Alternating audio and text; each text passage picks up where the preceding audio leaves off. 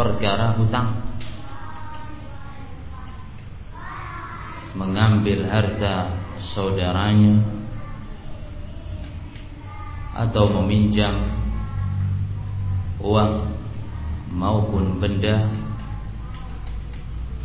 dengan waktu yang telah mereka tentukan dengan tempo yang mereka sudah sepakati kemudian dia ingkari pembayarannya. Berapa banyak di kalangan masyarakat kita Membeli perkara yang ringan Barang yang murah Mereka tidak lakukan kecuali dengan cara hutang piutang Yahsabunahu hayyina Wahuwa indallahi azim mereka anggap perkara itu remeh. Mereka anggap perkara itu ringan. Dan di sisi Allah Subhanahu wa taala besar. Dan di sisi Allah Subhanahu wa taala perkaranya berat. Bahkan Nabi alaihi salatu wassalam berlindung kepada Allah Subhanahu wa taala bertawud dari perkara ini Sampai-sampai Nabi alaihi salatu wassalam berlindung kepada Allah subhanahu wa ta'ala untuk dijauhkan dari perkara ini. Dan perlu antum ketahui Nabi sallallahu alaihi wasallam apabila sudah meminta perlindungan kepada suatu perkara menunjukkan beliau khawatir dan takut akan perkara tersebut. Sebagaimana Nabi sallallahu alaihi wasallam meminta perlindungan kepada Allah dari godaan syaitan. Beliau khawatir, beliau takut. Pula Nabi alaihi salatu wasallam meminta perlindungan kepada Allah Subhanahu wa taala dari perkara dain. Dalam sebuah hadis yang diriwayatkan oleh Abu Sa'id Al-Khudri, Nabi alaihi salatu wasallam berdoa Allahumma inni a'udzu bika minal hammi wal hasan Ya Allah aku berlindung kepadamu dari kegundahan dari kepanikan dari kekhawatiran. Wal husni dan aku berlindung kepadamu dari kesedihan kegundahan hati. Wal ajzi wal kasali dan aku meminta perlindungan kepada engkau dari kelemahan ketidakberdayaan dan aku meminta perlindungan kepada engkau dari al-kasal kemalasan tidak giat tidak semangat. Wa a'udzu bika minal bukhli wal gubni. Dan aku meminta perlindungan kepada engkau ya Allah dari sifat kikir dari sifat pelit, dari sifat bakhil wal juban dan sifat pengecut.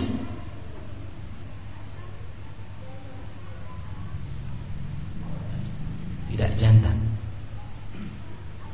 Wa tal'id daini wa qahrir rijal. Dan aku pun meminta perlindungan kepada engkau dari marahnya kaum laki-laki. Wa dhalla'id dain dan beratnya hutang piutang. Ini Nabi alaihi salatu wasallam meminta perlindungan kepada Allah Subhanahu wa taala atas perkara meminjam harta atau meminjam benda kepada orang lain. Dhullun fin nahar wa bil. Tercela di pagi hari, di siang hari, terlebih lagi bertemu dengan orang-orang yang dia hutangi. Malu wajahnya bertemu. Tidak ingin wajahnya bertemu. Wahamun bilail dan di malam hari dia berpikir. Berat bagaimana cara menyelesaikannya. Ini hutang piutang.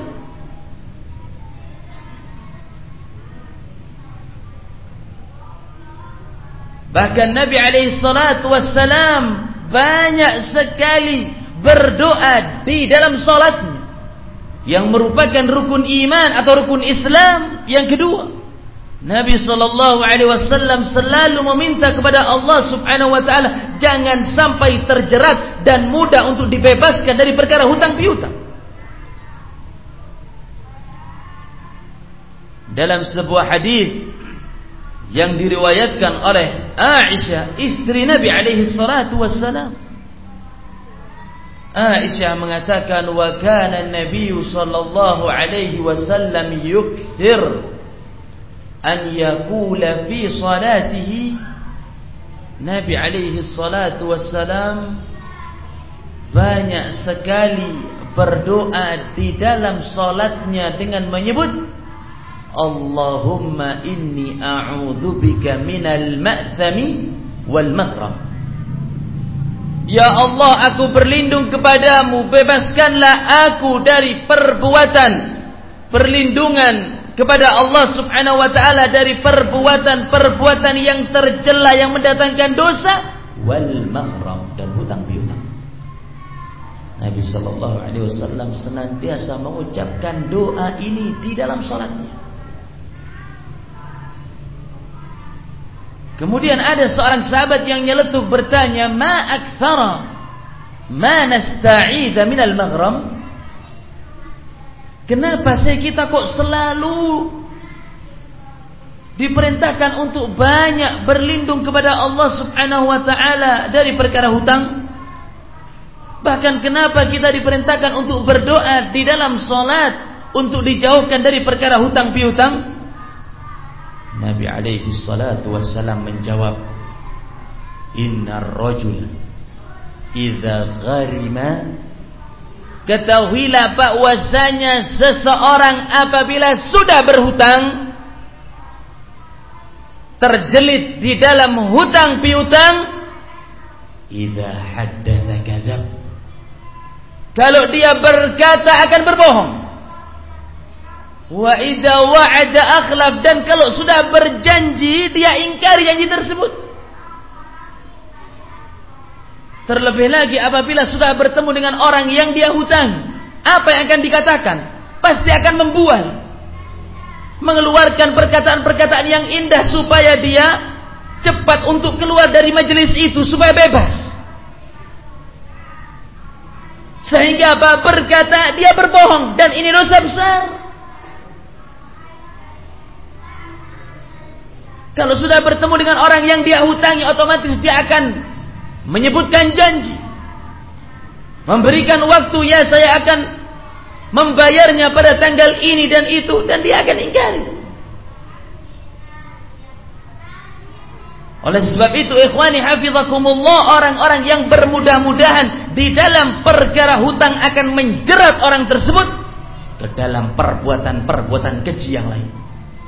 Gara-gara hutang dia berdusta dan ini dosa-dosa besar yang paling besar Gara-gara hutang dia menyelisih janjinya dan ini dosa-dosa besar yang paling besar. Dan itu pula merupakan sifat-sifatnya siapa? Munafikin, orang-orang munafik. Kalau berkata berdusta, kalau berjanji sekedar ngobrol saja, nggak pernah ditepati.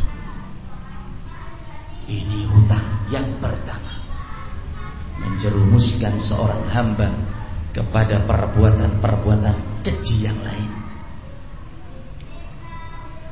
Kemudian yang kedua, bahwasanya dain yuaddihi ilal mahalik menjerumuskan seorang hamba ke dalam kebinasaan. Hutang itu menjerumuskan seorang hamba kepada kebinasaan.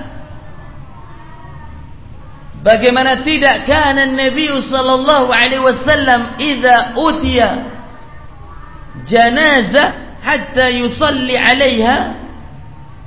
Bagaimana tidak apabila Nabi alaihi salatu wasallam kalau didatangkan jenazah kepada beliau? Kalau didatangkan mayit kepada beliau? Maka Nabi alaihi salatu wasallam akan bertanya sebelum disolat hal taraka qada'an Apakah saudara kalian ini sudah menyelesaikan tanggung jawabnya? Dan dimaksud tanggung jawab di sini adalah apa? Hutang. Hal taraka qata'an apakah saudara kalian ini sudah menyelesaikan tanggung jawabnya in qalu na'am sallallahu Kalau mereka mengatakan ya ya Rasulullah, kami sudah menyelesaikan tanggung jawabnya, hutang-hutangnya sudah kita bayar semua. Maka Nabi alaihi salatu wasalam mensolati orang tersebut.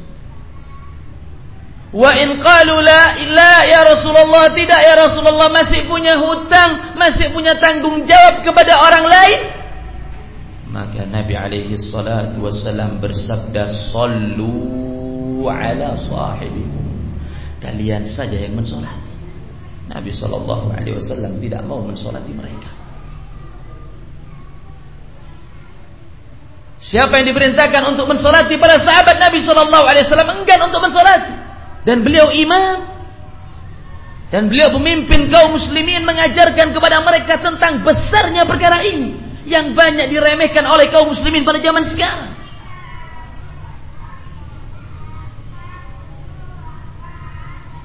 Bahkan pernah pada suatu ketika Nabi alaihi salatu wasallam didatangkan mayit yang masih tersisa dari hutangnya dua dinar. Utiya bi janazatin wa alaihi dinaran. Didatangkan jenazah di hadapan beliau masih punya utang dua dinar. Satu dinar ini empat seperempat gram. Kalau dua dinar sekitar delapan setengah gram. Kalau satu gramnya lima ratus ribu berarti berapa? 500 ribu kali delapan setengah gram berarti berapa? Hah? 4 juta 4, 4 juta 205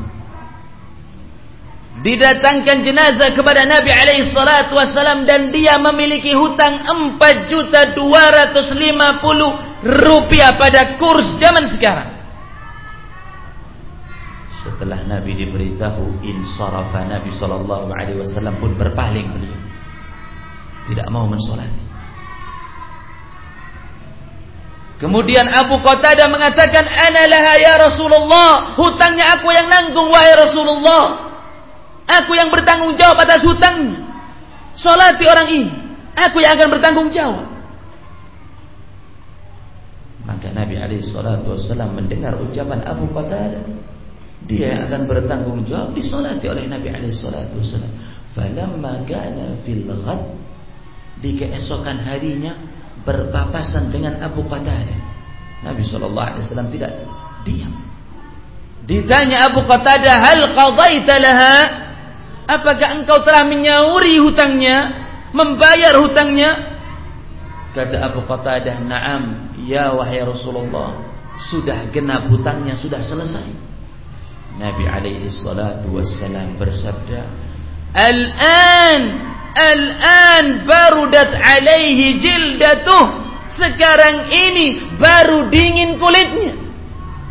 Sekarang ini jasadnya tenang. Baru sekarang kulitnya merasa dingin nyaman. Sebelumnya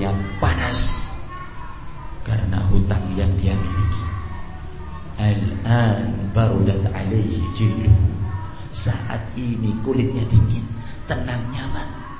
Sebelumnya panas karena hutang yang telah dia tinggalkan. Ini menunjukkan bahwasanya perkara dain, hutang piutang merupakan perkara yang besar sampai-sampai Nabi alaihi salatu wasallam tidak mau mensolati mereka. Ini yang kedua. Kemudian yang ketiga istighfar. Meminta ampun kepada Allah Subhanahu wa taala. Kemudian berzikir. Tidak mampu untuk mengampuni dosa hutangnya. Istighfar tiap hari, siang dan malam. Dilantunkan lidahnya Allahumma gfirli ya Allah ampunilah dosaku siang malam. Tidak berhenti mengampuni dosanya dari sisi apa? Hutang piutang. Bahkan amalan di dalam Islam yang paling tinggi. Apa amalan di dalam Islam yang paling tinggi? Nah, Jihad fi sabilillah berjihad di jalan Allah Subhanahu wa taala untuk menegakkan kalimat la ilaha illallah. Amalan yang paling top, yang paling tinggi derajatnya di dalam Islam pun juga tidak mampu untuk menolong seorang hamba yang menyisahkan hutang ketika wafatnya. Dalilnya ya Ustaz kita ambil dua hadis. Nabi alaihi salatu wasalam yang pertama yang terdapat dalam Sahihul Bukhari Karena Nabi sallallahu alaihi wasallam inda ashabihi pada suatu ketika Nabi sallallahu alaihi wasallam berdiri di hadapan para sahabatnya dan mereka banyak mendengarkan Nabi alaihi salatu wasallam menimba ilmu kepada beliau. Wa dzakara al-jihad fi sabilillah Nabi sallallahu alaihi wasallam menyebutkan fadilah jihad fi sabilillah. Keutamaannya fadilahnya wal iman billah kemudian menyebutkan keutamaan beriman kepada Allah Subhanahu wa taala dan dua-duanya jihad dan beriman kepada Allah merupakan afdalul a'mal, amalan yang paling mulia. Dijelaskan kepada mereka. Ada seorang sahabat yang bertanya, "Ya Rasulullah, ara'aita in kutiltu fi sabilillah ayukaffir anni khataayaya?" Wahai Rasulullah Apabila aku ini terbunuh di medan perang Apabila aku ini terbunuh mati syahid Fisabilillah di jalan Allah subhanahu wa ta'ala Apakah mampu untuk menghapuskan semua dosa-dosaku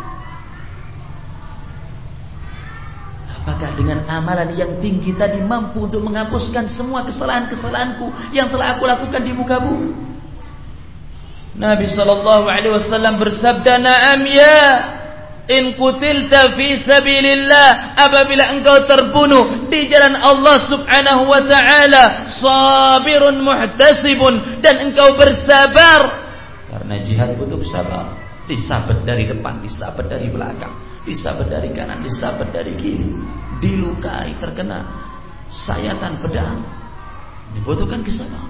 Apabila engkau wafat Fisabilillah dalam keadaan sabar muhtasibun dan mengharapkan pahala di sisi Allah Subhanahu wa taala muqbilun ghaira mudbirin dan engkau maju tidak pernah mundur maka akan diampuni dosa-dosa dengan syarat apa mati fisabilillah dia bersabar mengharapkan pahala di sisi Allah Subhanahu wa taala maju dan pantang mundur maka pemuda tersebut berjalan. Baru melangkahkan kaki dipanggil untuk kedua kali oleh Nabi sallallahu alaihi wasallam, "Ya fulan ta'al, wahai fulan ke sini." Madza qulta anifa? Apa yang kamu tanyakan tadi? Baru saja dia ditanyakan Nabi sallallahu alaihi wasallam balik bertanya. Baru saja dijawab. Madza qulta anifa? Kata Nabi, apa yang kamu tanyakan tadi? Pemuda tersebut mengulangi. Ditanya, maka dijawab. Ya Rasulullah, aku tadi bertanya, ara'aita in kutiltu fi sabilillah ayukaffir anni khataaya? Wahai Rasulullah, bagaimana pendapatmu apabila aku terbunuh syahid fi sabilillah, apakah diampuni dosa-dosaku? Nabi sallallahu alaihi wasallam untuk kedua kali mengatakan, "Na'am."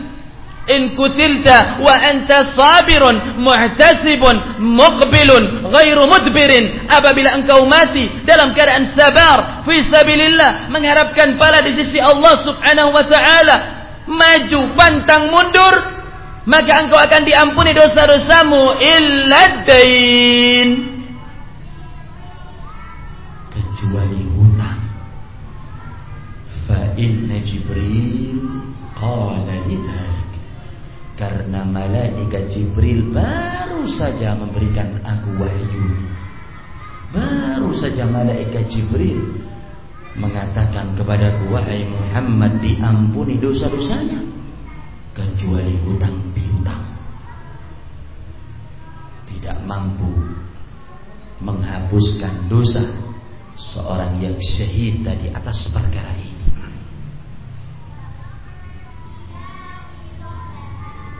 Padahal amalannya syahid yang paling tinggi tidak mampu menghapuskan dosa-dosa dain, hutang piutang. Padahal antum ketahui seorang syahid sabda Nabi sallallahu alaihi wasallam diberikan tujuh fadilah. Yang pertama yughfar min awali damihi, diampuni dosa-dosanya ketika darah keluar dari tubuhnya. Kemudian yura mak'adahu minal jannah diperlihatkan bagi dia tempatnya di surga. Kemudian dinikahkan dengan 72 bidadari. Kemudian diberikan mahkota dari perhiasan yang paling indah di muka bumi. Kemudian dibebaskan dari azab kubur dan azab neraka.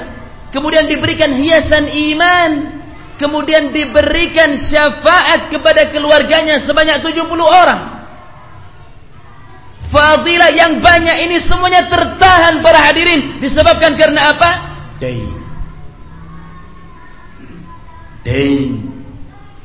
Hutang piutang. Oleh sebab itu Nabi alaihi salatu wasallam bersabda, "Nafsul mu'min mu'allaqatun bidaini hatta yuqda alaihi." Jiwa seorang mukmin digantung karena hutangnya sampai dia selesaikan hutang tersebut. Kata Al-Imam Suyuti, ay mahbusatun an maqamihal karim. Dia tertahan dari kedudukannya yang mulia. Dia tertahan dari kedudukannya yang mulia. Siapa mereka? Syahid termasuk. Bahkan alim ulama sekalipun. Alim ulama yang memiliki ilmu sekian banyaknya. Memiliki hutang. Ditahan keutamaan dan fadilah ini. Disebabkan karena perkara dain. Ini hadis yang pertama. Kemudian hadis yang kedua yang diriwayatkan oleh Imam An-Nasa'i yang terdapat di dalam kitabnya Al-Imam Al-Albani disahihkan oleh beliau di dalam Sahih An-Nasa'i dari sahabat Muhammad bin Jahsh kata Muhammad bin Jahsh kunna julusan inda Rasulullah sallallahu alaihi wasallam. Kata Muhammad bin Jahsh dahulu kita pernah duduk bermajlis bersama Nabi alaihi salatu wasallam. Kata Muhammad bin Jahsh ketika kami duduk bersama Nabi farafa'a ra'sahu ila sama Tiba-tiba Nabi alaihi salatu wasallam mengangkat kepalanya ke langit wa wada'a rahatahu ala jabhati beliau angkat kepalanya ke langit dan meletakkan tangannya di atas kening beliau. Sambil diangkat wajah ke atas langit. Kemudian beliau berkata ma hadha alladhi nazala min at-tasdid? Subhanallah maha suci Allah. Peringatan apa lagi yang turun dari langit saat ini? Kata Muhammad bin Jahsh, sahabat yang meriwayatkan kejadian tersebut, fasakatna wa fazi'na. Kita pun semuanya terdiam dan kita pun takut. Kita pun terdiam dan kita pun panik. Tiba-tiba Nabi Shallallahu Alaihi Wasallam meletakkan tangannya di atas keningnya sambil mengatakan peringatan apa yang keras ini. Kemudian tiba-tiba Nabi Alaihi Wasallam pulang ke rumah. Muhammad bin Jahsh penasaran. Falamma kana fil ghad sa'altuhu pada hari kedua maka aku pun bertanya kepada Nabi Ya Rasulullah ma huwa tanzil ma huwa tasdid alladhi nuzzil wahai Rasulullah peringatan apa yang besar yang diberikan kepadamu yang diturunkan kepadamu?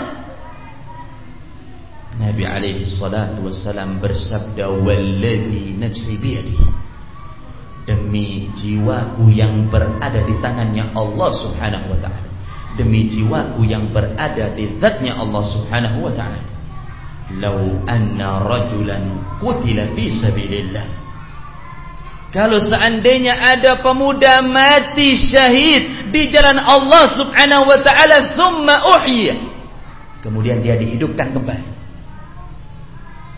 Mati syahid dihidupkan kembali oleh Allah Subhanahu wa taala Thumma kutila thumma uhyiya. Kemudian dia meninggal untuk kedua kali di medan pertempuran mati syahid fi sabilillah. Kemudian dihidupkan kembali oleh Allah Subhanahu wa taala. Thumma kemudian dia pun mati dalam keadaan syahid. Ini berapa kali? Tiga kali. Ma dakhala al-jannata wa alaihi dainun. Kalau dia punya hutang, tidak akan bisa masuk ke dalam surga. Hatta yuqta anhu dainun. Sampai dia bayar sisa hutangnya. Syahid bukan sekali.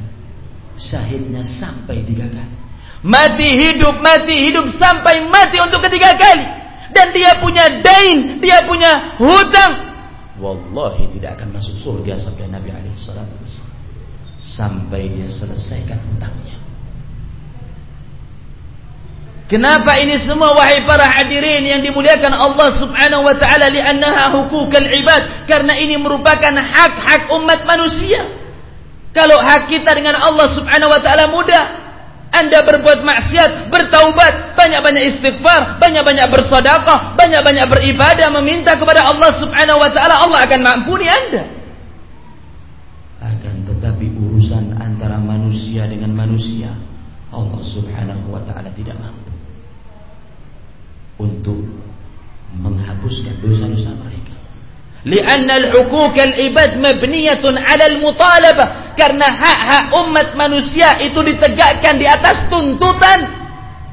Berhak untuk dituntut orang yang dia hutangi. Kalau enggak dikasih di dunia akan diminta dan dituntut kelak di akhirat di hadapan Allah Subhanahu wa taala. Nabi sallallahu alaihi wasallam bersabda man kana indahu madhlamatun min akhihi min malin aw irdin barang siapa yang pernah mendolimi saudaranya dari urusan uang ataupun kehormatan mengambil harta saudaranya meminjam harta saudaranya tidak dikembalikan. Falyuhallilha qabla an yu'khadhu minhu haitsu la yakunu lahu dirhamun wala dinar. Hendaknya dia selesaikan di muka bumi tuntaskan urusan kalian dengan umat manusia di muka bumi sebelum amal-amal kalian diambil oleh Allah Subhanahu wa taala karena pada hari kiamat enggak ada dinar, enggak ada dirham, enggak ada uang emas, enggak ada uang perak. Walaupun Anda ingin menebus dengan miliaran rupiah, tidak Allah Subhanahu wa taala terima tebusan tersebut karena sudah tidak ada lagi namanya uang pada hari kiamat. Yang ada an-nar wal jannah, yang ada amalan kejelekan dan amalan kebaikan. In kana lahu 'amalun salih ukhidha biqadri madlamatih. Kalau Anda memiliki amal kebaikan, akan diambil amal kebaikan tersebut atas kadar kezoliman yang Anda pernah lakukan di muka bumi dan diberikan kepada orang yang Anda zolimi diberikan kepada orang-orang yang anda hutangi. Idza lam yakun lahu ukhidat min sayyiati sahibihi fatuhummila alaih. Ini kalau punya kebaikan. Tapi kalau kebaikannya sudah habis bagaimana? Orang yang dihutangi akan diambil kejelekannya dan diberikan kepada orang yang berhutang dan kepada orang yang berbuat zalim. Sudah tidak memiliki kebaikan, ditumpuk kejahatannya di atas kejahatan, kebatilan di atas kebatilan, maka merupakan hamba-hamba yang paling merugi. Maka ini sekali lagi menunjukkan kepada kita bagaimana besarnya perkara dain, perkara hutang piutang, sampai taubat tidak bisa menghapuskan dosa hamba tersebut Lantas bagaimana para hadirin seorang manusia yang ketika meminjam kepada saudaranya sudah diniatkan dari awal dia tidak akan mengembalikan uang tersebut? Bagaimana seorang manusia mengambil harta saudaranya dan dia sudah niat dia akan makan harta itu dan tidak akan dikembalikan? Maka ini ancamannya berat dan lebih berat.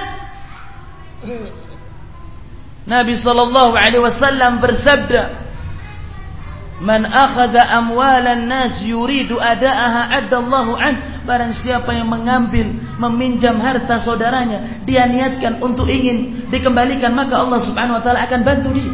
Dibantu oleh Allah Subhanahu wa taala. Kalau niatnya benar Man akhadha amwalan nas yuridu atlafaha atlafallahu an. Barang siapa yang mengambil harta saudaranya dengan tujuan untuk mengambil dan memakan serta tidak mengembalikan harta tersebut kepada orang yang dia ambil, maka akan dihilangkan oleh Allah Subhanahu wa taala. Kata para ulama, atlafahu fid dunya wa atlafahu fil akhirah. Dihilangkan di dunia dan dihilangkan di akhirat. Dihilangkan di dunia contohnya uang yang Anda ambil bisa jadi Anda diberikan penyakit oleh Allah Subhanahu wa taala. Berobat demi berobat rumah sakit dengan rumah sakit hilang hartanya. Atau harta yang Anda ambil 10 juta, 100 juta, 200 juta kemudian diberikan musibah, bala, bencana gempa bumi, tanah longsor, hancur rumahnya, tabrakan, kecelakaan, hancur kendaraannya, atau diberikan musibah, penyakit kepada istrinya, sebelum diberikan kepada anak-anaknya. Uang yang dia ambil hilang di dunia, hilang barokahnya, dan hilang amalan kebaikan dia kelak di akhirat. Bahkan dalam hadis yang diriwayatkan oleh Imam Tabrani Nabi sallallahu alaihi wasallam bersabda ayyuma rajulin istadana dainan wa huwa la yuridu an yu'addiyahu ila sahibihi Perhatikan sabda Nabi alaihi salatu wasallam seorang hamba mana pun mengambil hutang dan dia sudah ada niat untuk tidak mengembalikan hutang tersebut uangnya tidak mau dia kembalikan. Sudah niat jelek dari awal. Famat kemudian dia mati dalam keadaan seperti itu. Allahu azza wa jalla wa huwa maka akan bertemu dengan Allah subhanahu wa ta'ala dan dia adalah seorang pencuri. Bertemu dengan Allah subhanahu wa ta'ala dan dia adalah seorang yang sariq perampok pencuri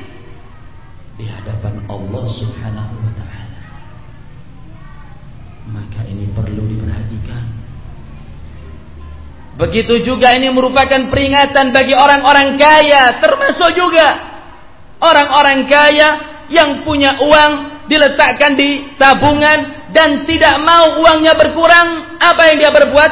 Gemar hutang piutang. Menutupi kekurangan di sini, membuka proyek di sana. Dengan harta apa? hutang piutang ketika jatuh tempo tidak dibayar atau diakhir-akhirkan atau diimit-imit. Apa bahasa Maduranya diimit-imit? Hah? Apa bahasa Maduranya diimit-imit? Nah, intinya diakhirkan. Jatuh tempo tidak dibayarkan dan dia punya utang dan dia punya uang. Uangnya ada. Tapi cinta kepada hartanya membiarkan orang lain sengsara Nabi alaihi salatu wasallam bersabda dan orang yang seperti ini berhak untuk mendapatkan dua keadaan di dalam sahihul Bukhari Nabi alaihi salatu wasallam bersabda layul wajidi zulmun. Orang yang punya harta dia berhutang sudah jatuh tempo tidak diberikan hartanya tidak diberikan uangnya diakhir-akhirkan maka ini merupakan sebuah kezaliman. Layul wajidi zulmun. Orang-orang yang mengakhir-akhirkan hutangnya dan dia mampu dia punya uang maka dikategorikan sebagai orang yang zalim. Apa yang berhak bagi orang ini? Dua perkara. Sabda Nabi sallallahu alaihi wasallam yahillu irdahu. Halal untuk dilecehkan kehormatannya orang yang seperti ini halal untuk dilecehkan kehormatannya Kata para ulama, yajuz lil mukrid an yastakiyah. Boleh orang yang dihutangi untuk mengadu ke pengadilan, badan pemerintah, mengadu kepada Pak RT, Pak RW, Pak Lurah, Pak Camat, atau orang-orang yang dianggap bisa. Boleh untuk mengadu. Atau boleh dia memperingati umat manusia, Hadza zalamani. Orang ini menzalimi aku. Hadar rajul ma talani wa akharani. Orang ini mengakhir-akhirkan hutangnya. Tidak berlebih-lebihan. Tidak apa? Berlebih-lebihan. Ini yang pertama. Yahil irdahu sabda Nabi sallallahu alaihi wasallam wa uqubatah dan halal bagi dia untuk mendapatkan hukuman. Kata para ulama apa hukumannya? Bihabsin au darb. Boleh dimasukkan jeruji penjara, di sel, diborgol, diikat dan boleh juga dipecut. Dicambuk.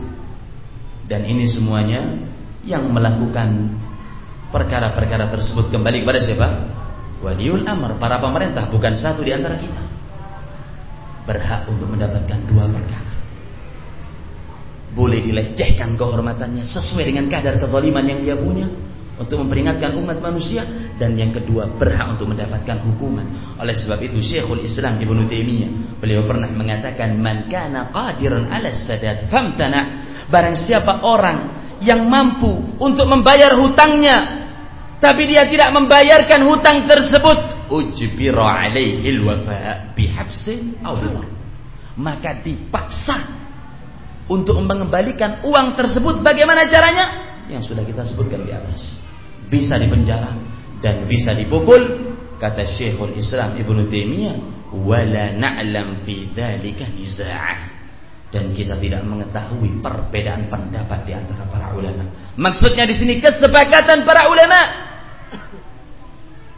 akan naam bolehnya seorang yang mengakhirkan pembayaran hutang dan dia punya nah, untuk diadukan kepada orang-orang yang berhak. Ikhwani hafizakumullah. Azan berapa berapa menit?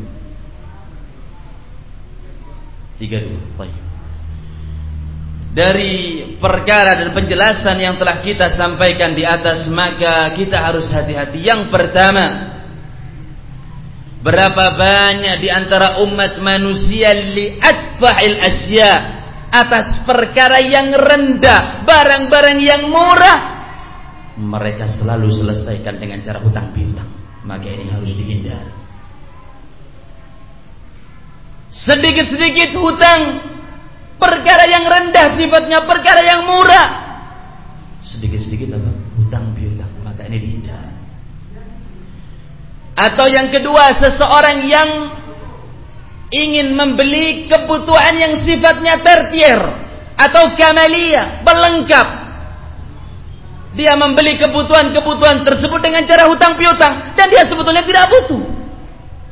Rumah sudah ada, kendaraan sudah ada, ingin membeli sesuatu yang sifatnya tertier, kamalia, pelengkap-pelengkap saja. Kalau nggak ada pun dia bisa hidup.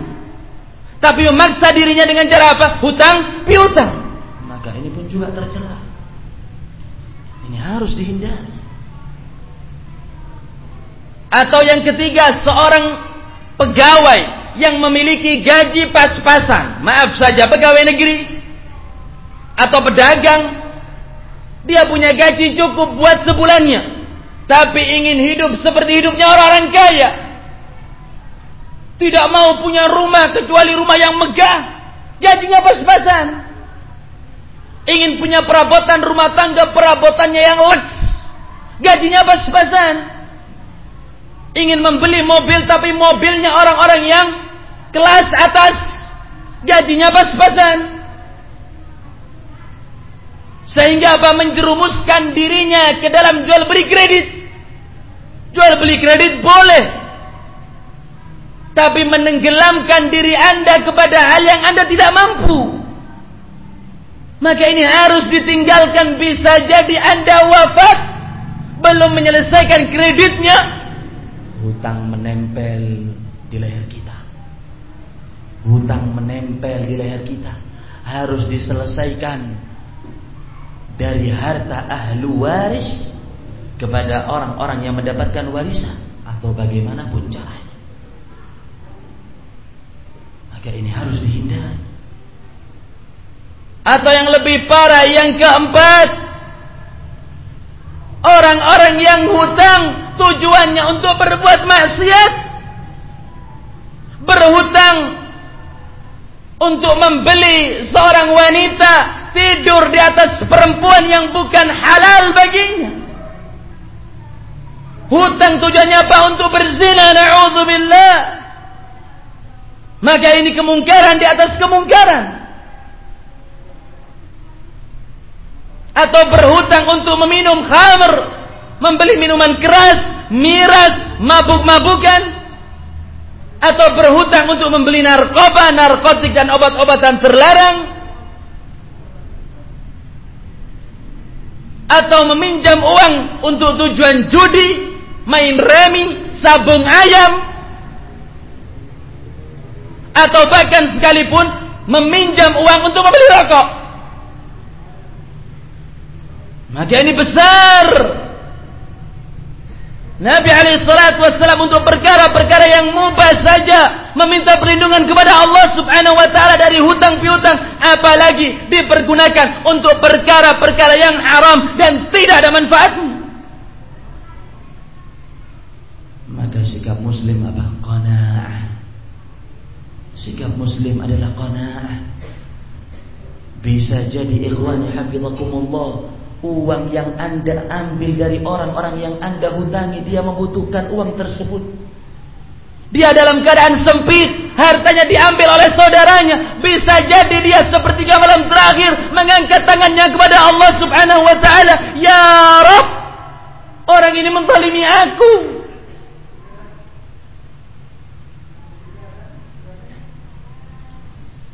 Maka sikap seorang muslim qana'ah menerima apa yang Allah Subhanahu wa taala berikan kepada dia, tidak perlu muluk-muluk. Nabi sallallahu alaihi wasallam bersabda dan kita tutup dengan hadis ini. Qad aflaha man aslam. Beruntung seorang hamba yang menyerahkan dirinya kepada Allah Subhanahu wa taala wa ruziqa kafafan dan diberikan rezeki kecukupan wa qanna'ahu Allahu bima ada dan dia merasa qanaah menerima atas apa yang telah Allah Subhanahu wa taala berikan kepada dia. Seorang miskin hidup dengan kemiskinannya alhamdulillah. Seorang fakir hidup dengan keadaan fakirnya, seorang yang pas-pasan hidup dengan keadaan yang sederhana dan orang kaya hidup dengan kekayaan yang telah Allah Subhanahu wa taala berikan kepada dia. Ini semua telah dipilah-pilah oleh Allah Subhanahu wa taala kepada umat manusia. Mudah-mudahan kita semuanya dijauhkan dari perkara dain dan apabila kita memiliki dain dipermudah oleh Allah Subhanahu wa taala untuk keluar dari jeratannya dain subhana rabbika rabbil izzati amma yasifun. Wa salamun ala al mursalin. Walhamdulillahi rabbil alamin